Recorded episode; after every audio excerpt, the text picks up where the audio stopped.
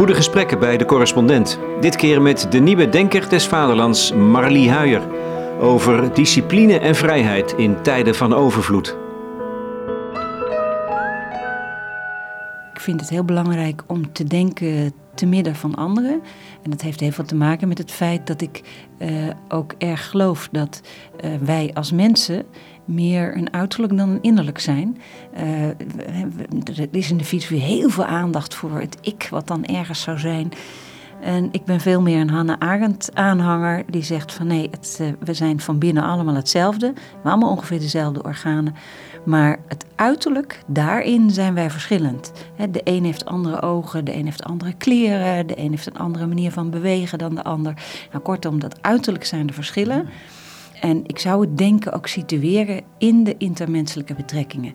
En niet als iets wat ik zeg maar in mijn eentje, alsof ik in mijn innerlijk iets heb wat helemaal zelfstandig en, en in een soort absolute vorm zou kunnen nadenken. Daar geloof ik helemaal niet in. Denken is altijd iets wat intermenselijk is. Dat is toch grappig, want wij zijn volgens mij bijna altijd bezig met eh, ons innerlijk en dat wat uniek is aan mensen.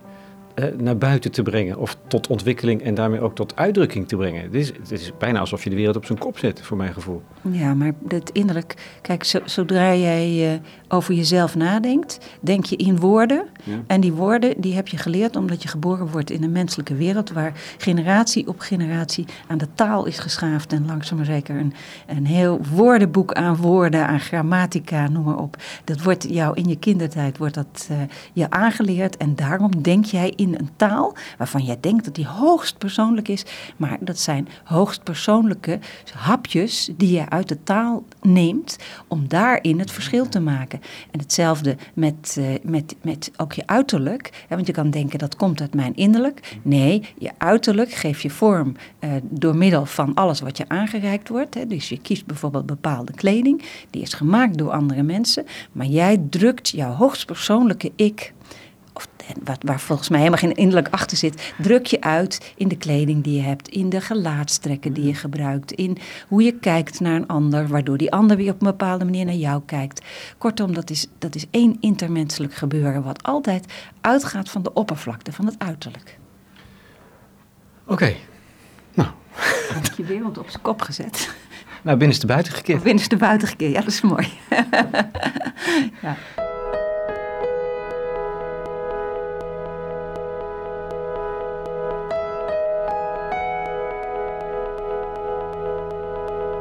Als wij op jouw uh, werkkamer thuis hadden gezeten, was ik even naar je bureau gelopen op dit moment. Omdat je daar hebt een uitspraak van Arnold Heumakers boven je bureau geplakt. Dat filosoferen, dat de taak van de filosofie is om de dingen juist complexer te maken. Maar ik... Ja, letterlijk is het, de filosofie moet het leven moeilijker maken. Ja. En waarom vind je dat nou zo'n prettige uitspraak? Uh, ja, kijk, je kan denken moeilijk is, uh, is niet leuk.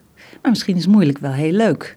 Eh, als je een moeilijk cryptogram hebt, is het natuurlijk veel leuker dan een makkelijk cryptogram. Want dan ga je, moet je hard nadenken en als je het dan uiteindelijk weet, dan is het veel leuker. Nou, zo is het ook met het leven. Er zitten, ik weet niet hoeveel, ik weet niet hoeveel tegenspraak in het leven. het is een klein voorbeeld van de persoon waar je het meeste van houdt in je leven. Die kan je zomaar ergens in je leven ook het allermeeste gaan haten. Nou, dat kan toch eigenlijk helemaal niet. Die persoon verandert waarschijnlijk nauwelijks. Maar toch kan dat. En zo heeft alles, elke waarde heeft ook een tegenwaarde die even waar is. En uh, die onverenigbaarheid van waarden maakt het leven zo ongelooflijk interessant. En dat geldt niet alleen voor waarden, maar het geldt ook voor waarheden. Wat op het ene moment waar is, kan op het andere moment helemaal niet waar blijken te zijn. En dus het, het, het leven zit vol met uh, tegenstrijdigheden, dingen die niet combineren zijn, uh, met uh, perspectieven die je aanvankelijk niet ziet. je kunt alle, alles in het, en alles wat je denkt, kun je omdraaien en kun je een nieuw perspectief op openen. Maar is de filosofie er dan niet voor, of jij als filosoof, er niet voor op, op gericht om dat op te lossen of dat uiteen te rafelen en helder te maken? Nou, wel om het uiteen te rafelen en om ook die rijkdom aan tegenstrijdigheden en perspectieven te laten zien. Maar niet om dan te zeggen, oh, dan hebben we hier de ene weg die iedereen moet volgen. Dat is, dan, dan ga je het leven makkelijk maken. Nee, dat is vervolgens aan degene aan wie je al die gedachten aanreikt, om dan zelf te denken van, hé, hey, wat wil ik daar nou eigenlijk mee? Wat is nou voor mij het meest aantrekkelijke perspectief? Uh, wetende dat er meer perspectieven zijn, dat je misschien ook ergens in het leven weer een ander perspectief kan kiezen. Soms vinden mensen dat heel moeilijk om uh, bijvoorbeeld uh, iets, iets wat zowel heel tragisch als heel komisch is, om dat gewoon hè, in hun waarde tegelijkertijd naast elkaar te laten bestaan. Je hebt toch zo de neiging om, het moet één ding zijn in plaats ja. van twee dingen tegelijk. Maar daar ga jij ons niet bij helpen. Nou, um, kijk, we zien het bij studenten. Hè? We hebben bijvoorbeeld uh, een driedaags cursus ethiek. En dan de eerste dag brengen wij die studenten volkomen in verwarring. En dan zeggen we wel, jongens, dit gaan we vandaag doen. We gaan jullie helemaal in de war brengen. Maar reken er maar op, oh, na drie dagen word je ook echt wel weer wat zekerder. Dus uh, we gaan gewoon vragen, wat, wat is goed en kwaad? Uh, maar, of nee, dat vraag me niet. Waar baseer jij je oordeel op of iets goed of kwaad is? Doe je dat op grond van je religie, op grond van de normen en waarden die je, die je ouders hebben meegekregen, op grond van de gevolgen, nou, nou, noem maar op. Hè. We gaan alles, alles met hun doorakkeren. En dat moeten ze dan doen in een groep waar je onmiddellijk ziet dat de een altijd naar de religie en de ander die maakt gewoon een, eh, een kostenbatenanalyse en zegt, nou, ik wil gewoon het beste resultaat. Dus met elkaar raken ze al helemaal in verwarring van dat ze merken dat de een op een heel andere manier over goed en kwaad denkt dan een ander. Nou, en eigenlijk zeggen we, het is allemaal goed. Ja. Heel lastig. Nou, en aan het eind van de dag zijn ze allemaal zagrijnig. Van, uh, in plaats dat ze weten hoe het moet in de beroepspraktijk, wat nou goed en kwaad, zijn ze alleen maar in de war. En um, nou, dan gaan we allerlei, allerlei andere dingen inbrengen. We doen ook met theater, met ze en weet ik veel wat allemaal. En de laatste dag gaan we, bespreken we met hun uh, casuïstiek. Dus dan moeten ze met problemen uit de praktijk komen. En gaan we weer opnieuw zeggen van nou, dan kan je dus vanuit de religie zo naar kijken. Vanuit de resultaten kan je zo... Ga nou voor jezelf argumenteren waarom jij kiest voor een bepaalde benadering. En dan kan het dus zijn dat ze dat bijvoorbeeld vanuit religie doen. Zeggen oké, okay, dat is helemaal, helemaal goed. Als je maar een argumentatie kunt geven die voor een ander, bijvoorbeeld voor iemand die niet gelooft, ook verteerbaar is en overtuigend is. En dan leer je studenten dat er dus een enorme hoeveelheid instrumenten zijn, ook filosofische uh, begrippen, theorieën, die je kunt gebruiken om datgene waarvan je zelf overtuigd bent dat het goed is, om dat zo goed te beargumenteren dat het voor een ander ook, ook zeg maar zin maakt, sense, makes sense. Als het gaat om, om de openbare ruimte als het ware, waarin je manifesteert samen met anderen, dan komt het dus op aan dat je in ieder geval weet te legitimeren of onder woorden te brengen waarom je bent. Ja, dat is uh, wat wij, het, het grootste wat wij hier met studenten doen, zorgen dat ze het, de, de woorden, uh, de presentatie en uh, de, het zelfvertrouwen krijgen om met woorden met, en aan ander uit te leggen waarom dat jouw overtuiging is. En we proberen ook heel goed onderscheid tussen maken tussen meningen en overtuigingen. Een mening is datgene, is je, is je onmiddellijke voorkeur. En wij zeggen van nee, een voorkeur is niet genoeg.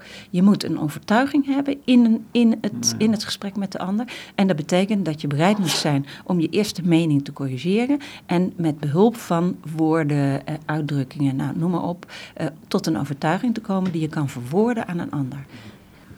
Nou, toen je mij ophaalde, stond ik beneden te wachten. Ik denk, we zitten hier dus uh, aan de Haagse Hogeschool.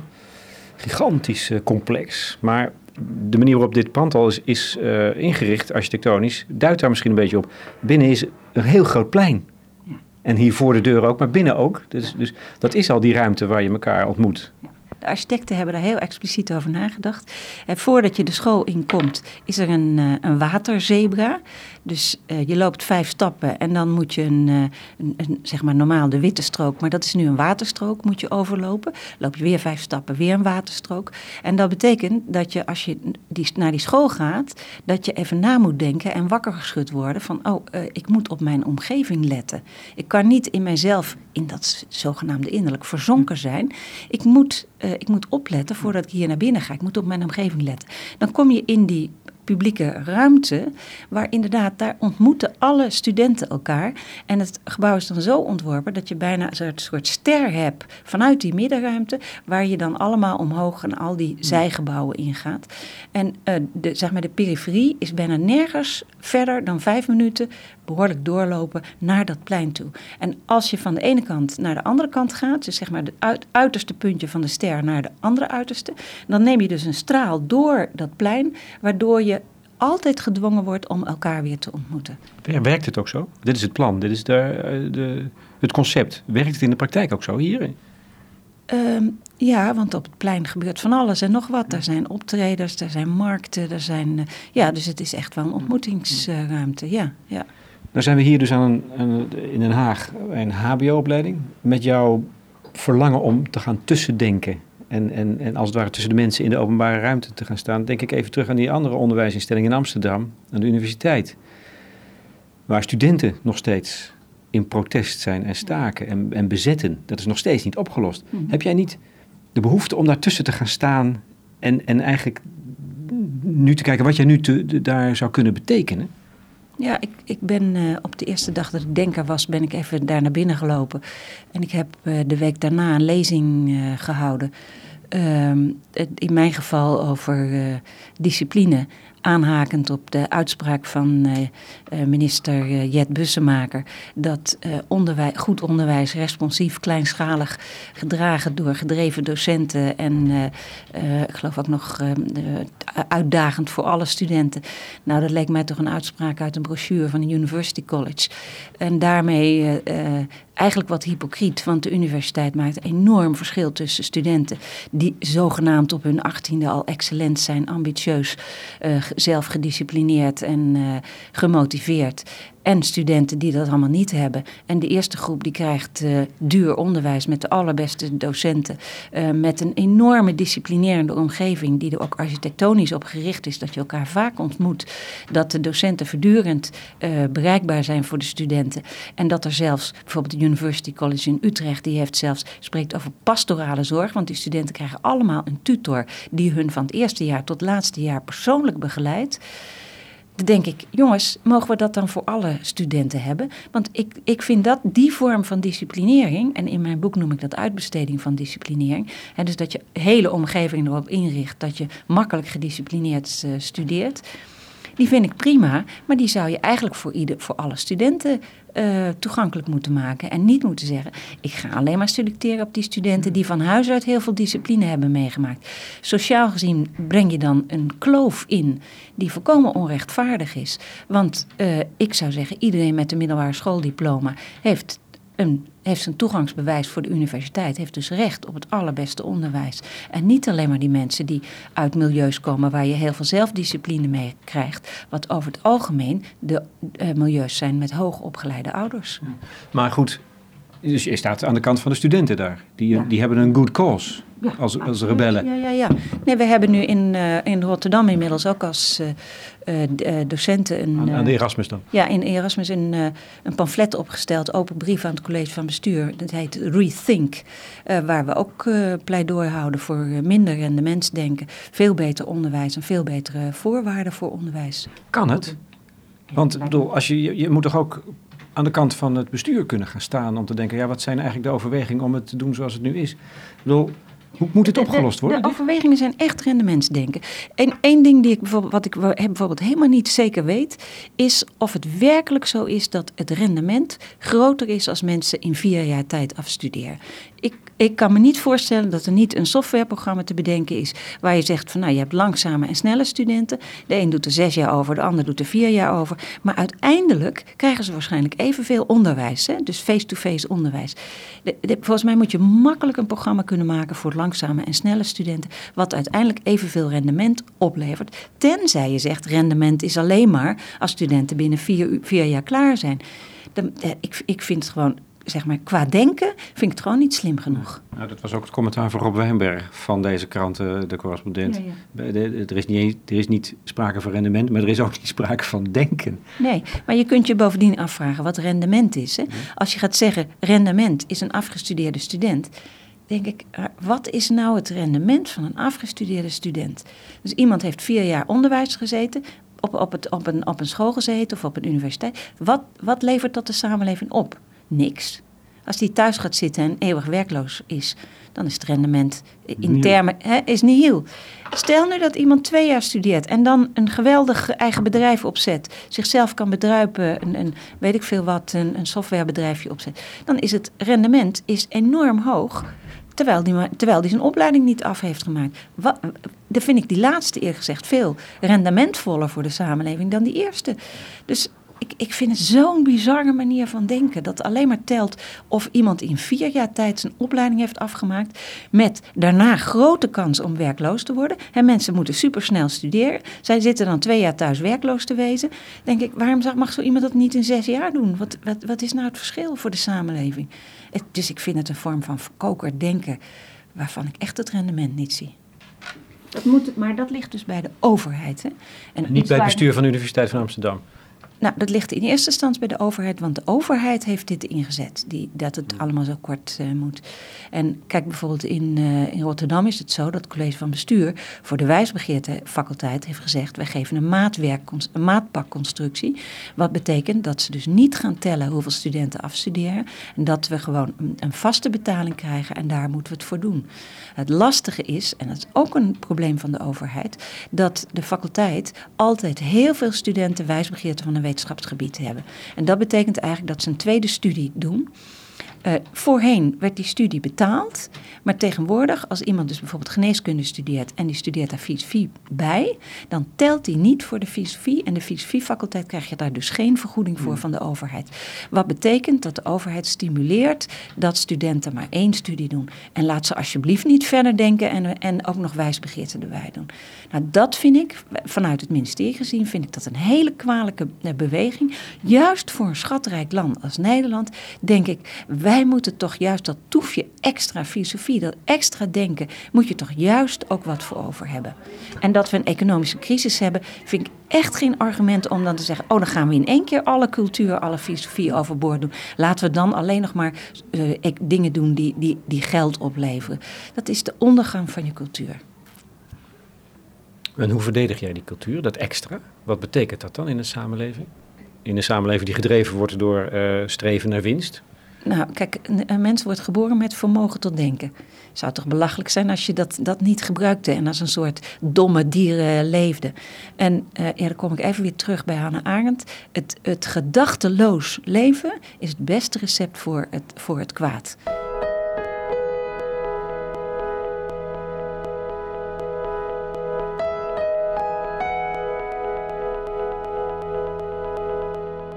Je noemt al twee keer de naam van Hannah Arendt. Die komt nog terug. Maar eerst wil ik een andere naam noemen, namelijk die van Foucault. Een van de grote filosofen. En volgens mij heb jij veel invloed ondergaan van het denken van deze Franse filosoof, eh, Foucault. Imposante figuur. Die veel heeft nagedacht over discipline. En dat is eigenlijk je grote thema. In relatie tot vrijheid. Hoe die twee elkaar, zich tot elkaar verhouden. Je hebt ook weer afstand van hem genomen. Later. En een van die dingen waar je afstand van neemt, is dat, het, dat uh, Foucault een soort onzichtbare macht beschrijft, signaleert in de samenleving, die ons allemaal als, als, als het ware in zijn, in zijn macht heeft en disciplineert. En dat loopt via toezicht bijvoorbeeld. Je, zegt, nou, je, gelooft niet in die onzichtbare macht. Nee, het gaat om die zichtbaarheid in die openbare ruimte steeds. Maar als je nou nadenkt over wat de functie die toezicht in onze samenleving krijgt dan ga ik denken, ja, maar die Foucault die had wel gelijk. Mm dat is heel verleidelijk. Ehm, als je bedenkt bijvoorbeeld wat er uh, via Facebook of andere sociale media allemaal van ons opgeslagen wordt. En uh, dan is het zo, weet je, dat, dat, dat idee van dat daar een soort anonieme macht achter zit, die ons allemaal disciplineert en dus onderwerpt aan reclames, aan allerlei sociale codes. Dat voorbeeld wat laatst uh, van een dikke man die dan aan dansen is en uh, die krijgt dan via sociale media allemaal beledigingen naar zich toegeworpen en vervolgens tot hoe heet die, uh, Pharrell Williams uh, toe, die dan uh, het voor de man op gaan nemen en dus de, de, mensen, mensen die aanvankelijk aan het pesten waren in een hoek zet. En jullie zijn vreselijke types. En kijk eens, wij zijn echt goede mensen. Wij houden ook van mensen die dik zijn en dansen. Dat is één grote sociale controle via, via sociale media. Kijk, hier kan je nog zeggen, hier kan je de mensen aanwijzen, die kan je nog traceren. Maar daarachter zitten natuurlijk inderdaad allerlei intelligence, agents, intelligence agencies uh, uh, maar ook uh, uh, gewoon uh, Google, uh, softwarebedrijven die allerlei data verzamelen en op grond daarvan profielen maken. En dan weten van nou in die beurt moet je die reclame en dat kan dan vervolgens ook nog eens via nudging, kan dat helemaal in de, ehm, in de dagelijkse leefomgeving vormgegeven worden.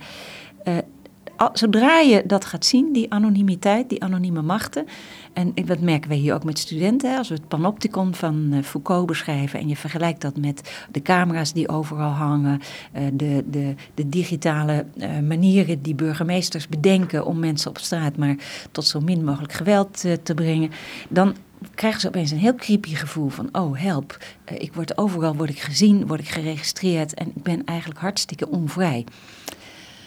Um, dat, dat beeld maakt dat je verlamt dat, zeg maar, dat, die, die theorie maakt dat je volkomen onvrij wordt.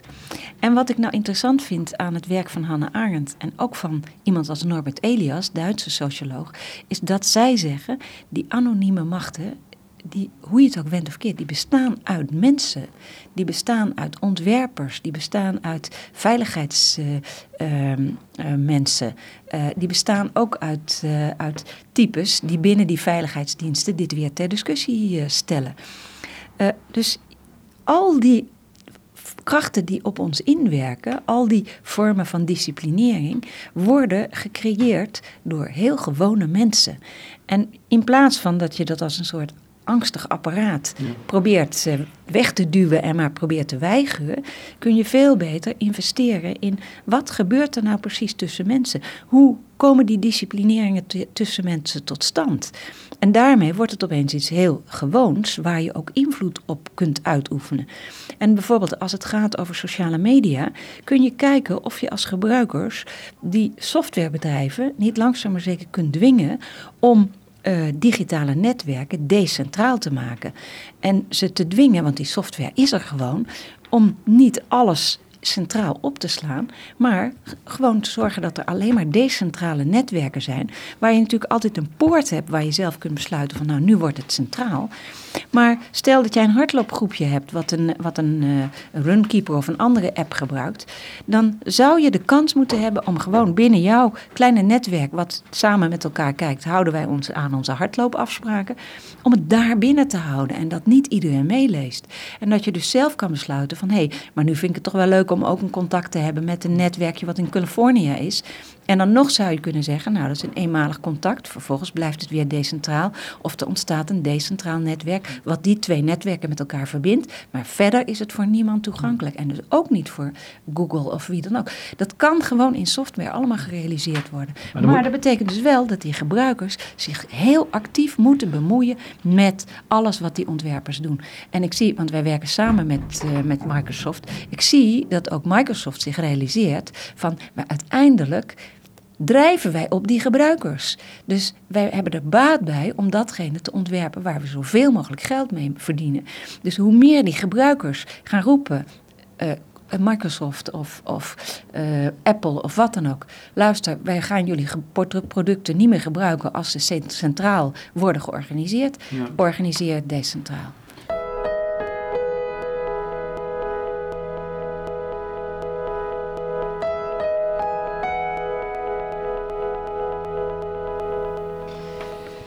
Hoe onderhoud je je eigen discipline in een tijd en een wereld van overvloed? Overvloed in liefde, in materie, in tijd, nou ja, van alles. Ik heb erg gelachen om de, de vormgeving van je boek. maar ik zag het pas veel later, hè? Dat elk hoofdstukje elk eindigt, eindigt met een, uh, een paar schoentjes. Een icoontje van een paar schoentjes. Ik dacht, daar zit, daar zit een knipoog van de schrijfster. Heb je iets met schoenen? Ja, je hebt iets met schoenen. Ja, als, als jij in een schoenenwinkel komt, dan moet je een paar kopen. Ja, ik koop, ik, het is echt een, eh, een zwakte. Ik vind schoenen inderdaad uh, vind ze ongelooflijk leuk. En uh, ik heb ook heel veel soorten schoenen. Hè, van gewone, want ik heb nu gewone instappers. Oh ja, hele saaie stadse schoentjes. Ja, ja. maar daar kan je wel goed mee lopen. En vandaag loop ik vele keren de trap op en af. Dus dan heb ik deze schoenen aan. Soms heb ik weer hele andere schoenen aan. Uh, maar ja, er zijn ook zoveel, weet je, er zijn zoveel ontwerpers van schoenen.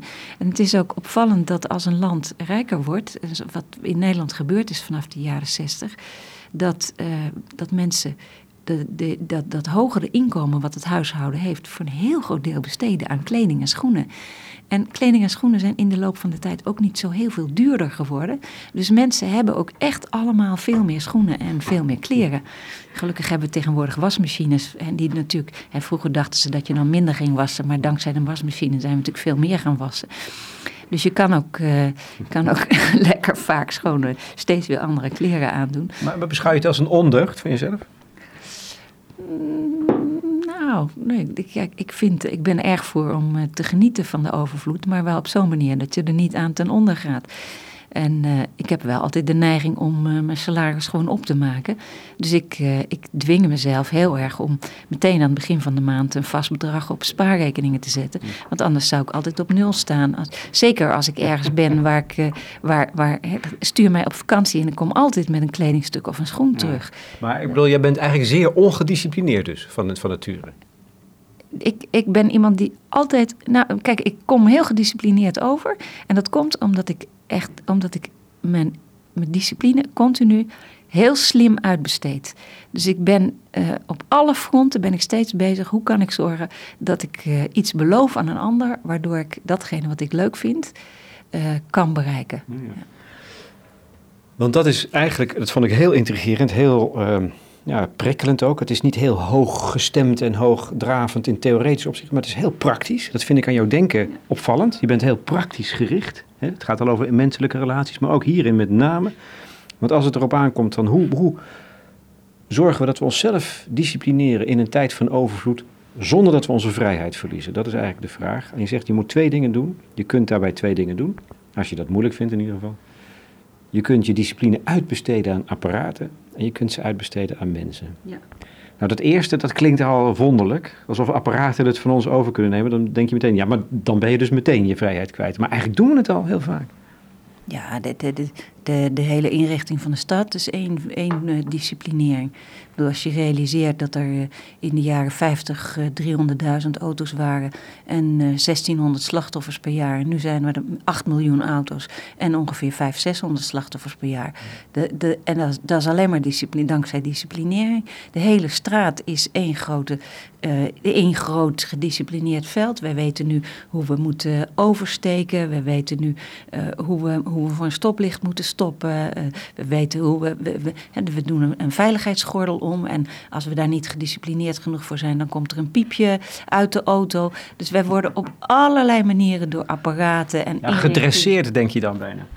Ja, ik weet niet wat het verschil tussen dressuur en uh, disciplinering is. Kijk, het is ja, dat je dus je vrijheid kwijt bent. Dat, dat is zo. Ik, maar we, luister, we hebben helemaal geen vrijheid. Zodra je geboren wordt, word je gedresseerd hoe je je als mens hoort te gedragen die, diezelfde Norbert Elias heeft, heeft geschreven over dat die, die, enorme ontwikkeling van de menselijke uh, soort, uh, af, sinds zeg maar de middeleeuwen, maar eigenlijk natuurlijk al veel eerder, waarbij die mens steeds meer gedisciplineerd wordt in zijn gedrag en steeds minder geweld en autoriteit nodig heeft om zich gedisciplineerd te gedragen.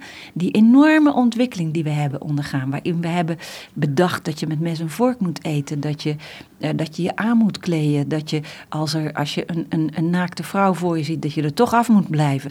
Al die disciplineringen die langzaam maar zeker ontstaan zijn, die worden nu in een hele korte jeugd, worden die hè, van, van 18, 20, 25 jaar, worden die uh, aangeleerd aan het kind is allemaal dressuur.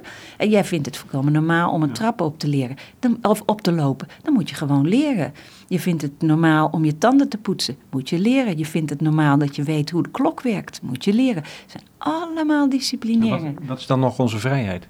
Nou, die is maar heel beperkt. De, de, we zijn sowieso ongelooflijk geneigd om datgene te doen wat, wat ons netwerk om ons heen doet. Dus de enige vrijheid die je nog hebt, die zit in het denken dat je kunt reflecteren op hoe al die actoren op je inwerkt, werken. En dat je dan kunt bedenken, wil ik dat misschien anders?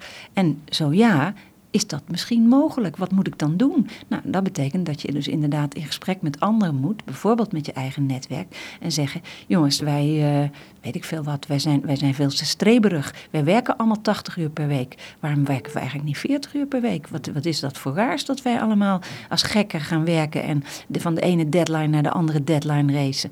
Misschien uh, moeten, we, moeten we dat heel anders organiseren. Maar daar moet je wel voor nadenken. Dus je moet bedenken van hoe word ik door al die mensen om me heen, maar ook al die uh, apparaten, die inrichtingen, hoe word ik op een bepaalde manier uh, tot mens gemaakt? Tot wat voor soort mens word ik dan gemaakt? Wil ik dat anders? En zo ja, hoe kan ik dat dan bereiken? Nog even over die apparaten, wat ik een ongelooflijk intrigerend voorbeeld vond, dat je in je boek Marlie Huijer uh, Discipline uh, aangeeft, is een app voor jonge mensen die de neiging hebben tot, tot psychose. Ja. Dat er een app bestaat die ze daarbij kan helpen. Ja, ja dat, is, uh, dat hoorde ik toevallig op een congres in, in Engeland. Um, en daar, was dus een van de ontwerpers, uh, die komt uit de psychiatrische wereld. Uh, voor jongeren met, uh, die, die psychose hebben, is het ongelooflijk lastig om een ambulant leven te hebben. Dus een leven buiten de polyklinieken en buiten de klinieken. En toch willen die jongeren heel graag een zelfstandig leven. Um, nou, hoe moet je dat nou doen? Nou, vroeger kon dat eigenlijk niet, want als iemand dan in paniek raakte, dan was er niemand de, van de nabije omgeving die dan kon helpen. Nou, het grote voordeel van de smartphone is dat je al je geliefden heb je eigenlijk op, op, op, uh, ja, op, op, op handafstand heb je bij je. Die geliefden zitten in je zak, je hoeft maar even te bellen en, en, je, en je geliefden die, die zijn ook werkelijk bij je. En we zijn inmiddels al zo getraind in het omgaan met telefoons, dat als uh, je, je vader of je moeder of je zoon of, of een vriendin uh, je belt, dat je ook het gevoel hebt dat die naast je staat. Uh, nou, die fenomenale technologie, hè, die dit dus uh, weet te bewerkstelligen, die wordt in dit geval versterkt met een app die ervoor zorgt dat, uh, dat zo'n jongere met een heel aantal simpele bewegingen op die smartphone in staat is om, om datgene te doen wat hij in de situatie dat hij niet psychotisch is, voor zichzelf bedacht heeft dat goed is om te doen. Dus de ontwerpers en de jongeren zijn om de tafel gaan zitten en hebben bedacht. Nou, kijk, het stoplicht is inmiddels uh, een, een, een, heel bekend. Uh, disciplinerend iets, niet alleen in het verkeer, maar ook in de appwereld. kennelijk werkt dat goed voor ons. We willen weten, het is helemaal fout, het is goed en het is iets ertussen. zo is onze, ons brein kennelijk geprogrammeerd.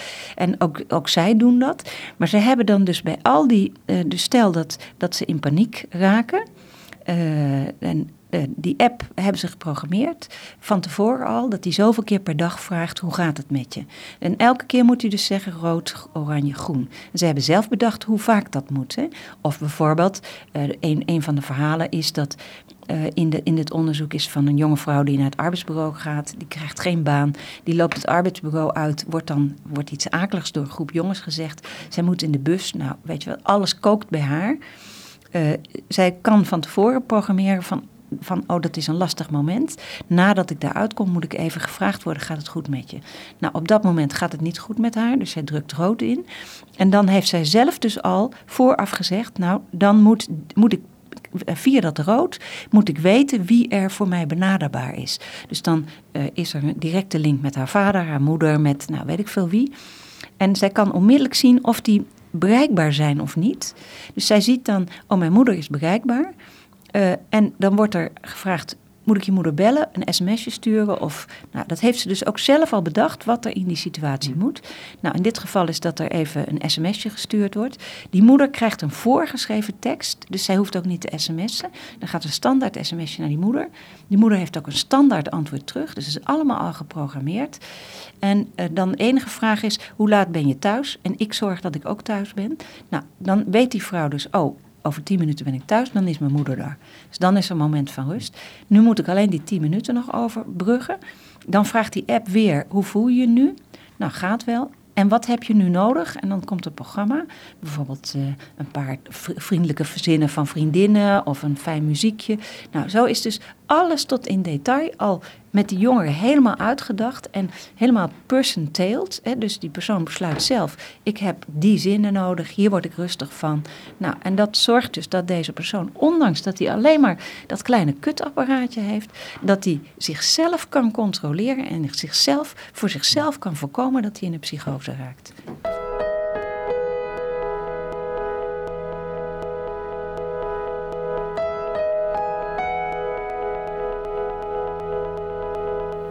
Laatste ronde, Marlie, is, gaat over uh, het uitbesteden van je discipline niet aan apparaten of aan apps, maar aan mensen.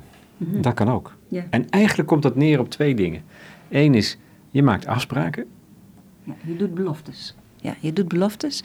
Het, het, op een of andere manier uh, is het zo dat als mensen iets beloven aan een ander, en met name aan een ander waar ze iets voor voelen, dus waar ze een affectieve relatie mee hebben, dan uh, proberen ze die belofte ook na te komen.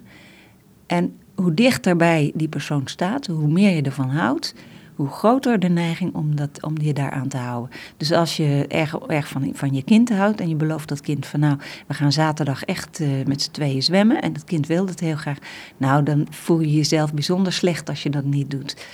En dat is interessant, want uh, ook in de criminologie zie je dat mensen die affectieve relaties hebben, dat die uh, het veel lastiger vinden om uh, tot uh, onoorbare handelingen over te gaan. Omdat ze dan weten van ja, maar moeder zal dat dan toch niet zo leuk vinden. Of, uh, het, is, het gaat ook over, heel praktisch gesproken, we hebben zoveel tijd, maar ook zo weinig tijd daardoor. Ik heb bijvoorbeeld een afspraak met mijn beste vriend om één keer in de maand op zondag te gaan wandelen. Ja, ja. Nou, dat is een afspraak en die wordt ook vooruit gepland het hele jaar door.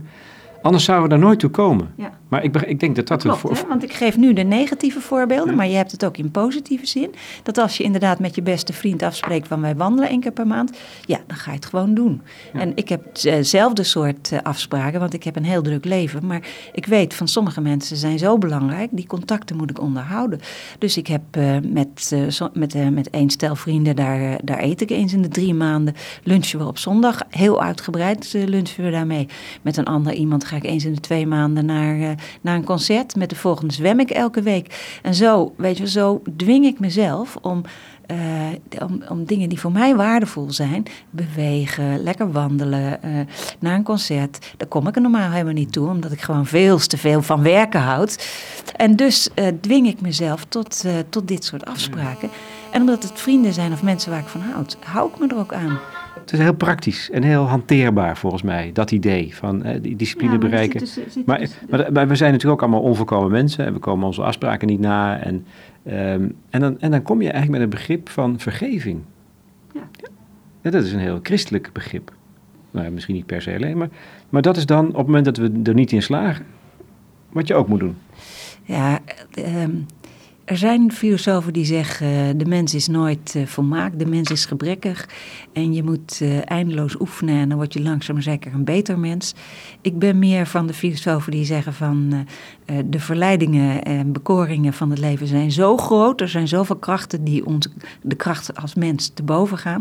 En gelukkig maar, maar want daardoor is het leven ook zo, zo leuk en spannend en interessant.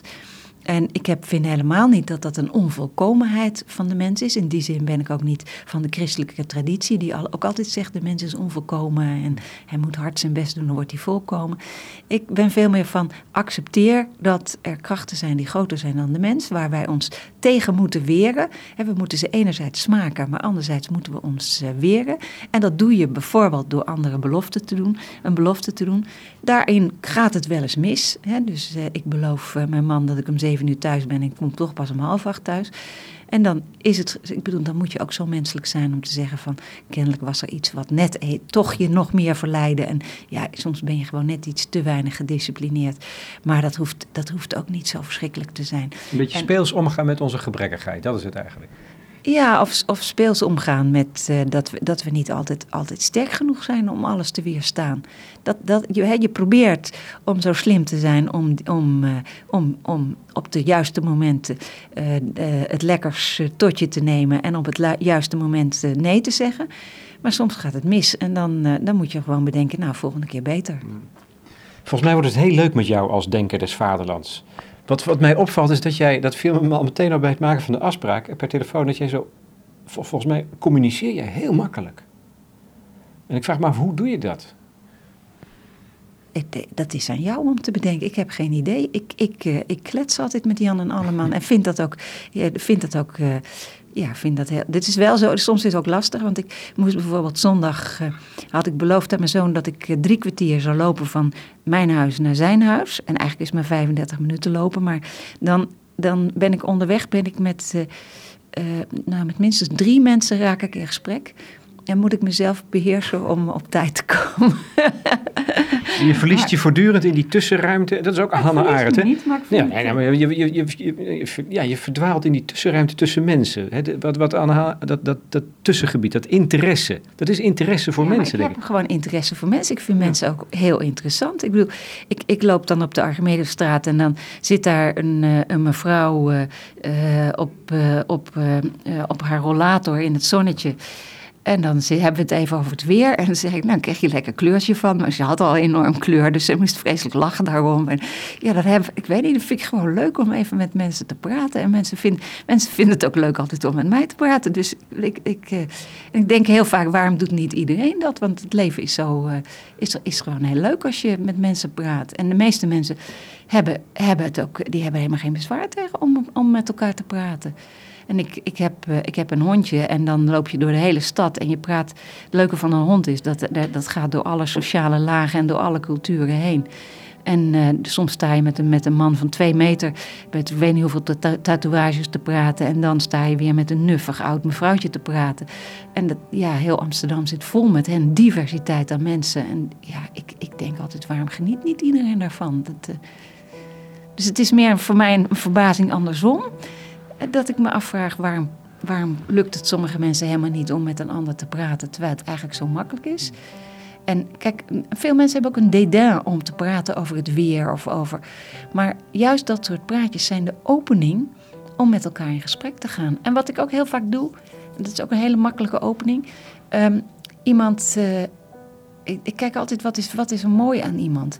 En dan zie ik iemand zitten met een prachtige sjaal. En dan zeg ik, jeetje, wat een mooie sjaal is dat. Nou, dan kan ik zo een uur met iemand praten. Dus het zijn een soort, je moet even een ingang zoeken. En dan, uh, ja, dan is het, ik vind het altijd heel, heel makkelijk. Ik heb er ook van genoten nu, dankjewel. ik, even nog over René Gude, die zei van de filosofen zijn één ding vergeten. En naast het goede, het schone en het juiste, het lekkere. En dat, die traditie, dat we als, als filosofen ook het lekkere goed, uh, goed, daar goed over nadenken, dat wil ik graag van René uh, overnemen en doorgeven.